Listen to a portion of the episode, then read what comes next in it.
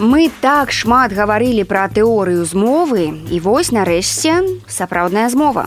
Немалады прынц, ультраправыя і былыя ваенныя хацелі захапіць рэйхстах.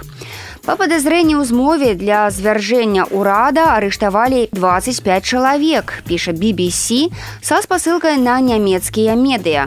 Мяркуецца, што ўсяго ў групе было 50 змоўнікаў. Адзін з меркаваных верхаводаў 71гадовы прынц Генрык 8. Сярод удзельнікаў змовы былі і экс-ваенныя байцы элітных падраздзяленняў. Удзельнікі групы хацелі зрынуць рэспубліку і замяніць яе імперыяй, якую назвалі б другім рэйхам. Яна павінна была функцыянаваць па ўзоры Геррманіі 1871 года. Федэральны пракурор Геррманіі заявіў, што група рыхтавала пераварот ужо год з лістапада 21. -го. Усё вышэй сказанае гучыць як новы серыял на Netflix і мы самі з цяжкасцю даём веры, што гэта рэальнасць нямецкіх следчых. Прайшоў тыдзень з таго часу, як Канье Уэст пахваліў Адольфа Гітлера.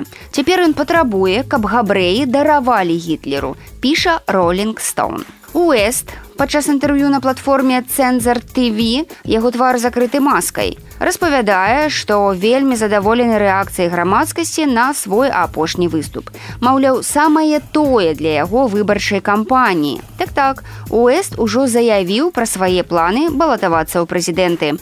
У нейкі момант вядучы задае Уэсту гіпатэтычнае пытанне. Значыць, вы прэзідэнт злучаных штатаў. Першы дзень. І вось нехта ўваходзіць і кажа: « Што мы будзем рабіць з гэтымі габрэямі? Уэст адказаў, што не задумваючыся возьме на працу габрэя, калі будзе ўпэўнены, што ён не шпіён і дазволіць праглядзець свой телефон. Ці зарэгіструюць Уэста на самой справе кандыдатам у прэзідэнты. Гэта не вельмі цікавае пытанне. Што сапраўды цікава, ці доўга Ілан Маск здолее трываць яго ў твітары хутка пасажыры еўрапейскіх авіякампаній змогуць так і сказаць суразмоўцу. Ператэлефаную, калі ўзляцім. Больш не трэба будзе пераводзіць тэлефоны ў рэжым палёту. Еўрапейская камісія вырашыла, што на борце можна будзе карыстацца 5G. Тэлефанаваць, слухаць музыку, глядзець фільмы. Раней сцюардэсы заўжды прасілі нас уключаць авіярэжым, Таму што было не вельмі шмат дакладных дадзеных пра тое, як мабільныя прылады ўплываюць на самалёты. Але цяпер досвед паказвае, што рызыка перашкодаў вельмі малая, піша BBC са спасылкай на выканаўчага дырэктара камітэта бяспекі палётаў Великабрытаніі Дая Уітангема. А вось у ЗША ўсё яшчэ трэба будзе перавесці телефон у рэжым палёту. Там асцерагаюцца, што частоты 5G могуць перашкаджаць палётамі нават прыводзіць да памылковых дадзеных некаторых прыбораў. Але у ЕС лічаць, што гэтыя амерыканскія праблемы не датычаць Еўропы, таму што ў Еўрасаюзе іншы набор частотаў для 5G. Аэрафобаў просяць не турбавацца. Рэгулятары абяцаюць зрабіць усё, каб гарантаваць бяспеку на борце. І да добрых навін спіце пад цяжкай коўдрай і сон стане мацней, а трывог будзе менш, піша Вашынгтон пост коўдра з павялічанай вагой спрыяе выдзяленню большай колькасці мелатаніна гармона які дапамагае мацней спаць.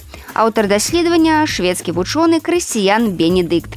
Ён кажа што стасаваўся з многімі дзіцячымі лекарамі якія расказалі пра дзівосны эфект цяжкай коўдры. Але не было даследаванняў якія пацвердзілі што сон под гэткай коўдрай сапраўды становіцца мацнейшы. Тады крысціян правёў эксперымент. Ён за запрасіў 26 маладых мужчын і жанчын без праблем са сном альбо іншых захворванняў паспаць у спецыяльнай лабараторыі дзве ночы.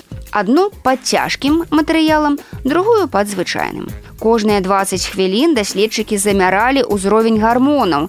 І ва ўдзельнікаў эксперыменту, якія спалі пад цяжкай коўдрай, узровень металаніна быў на 32 адсоткі вышэйшы. А калі і па цяжкай коўдры не спіцца, заканчвайце чытанне навін у канцы тыдня рэгулярным міжнародным аглядам еўрарадыо. Мы заўжды будзем завяршаць нашы агляды добрымі навінамі. Так што дачытвайце і даслухоўвайце нас да канца.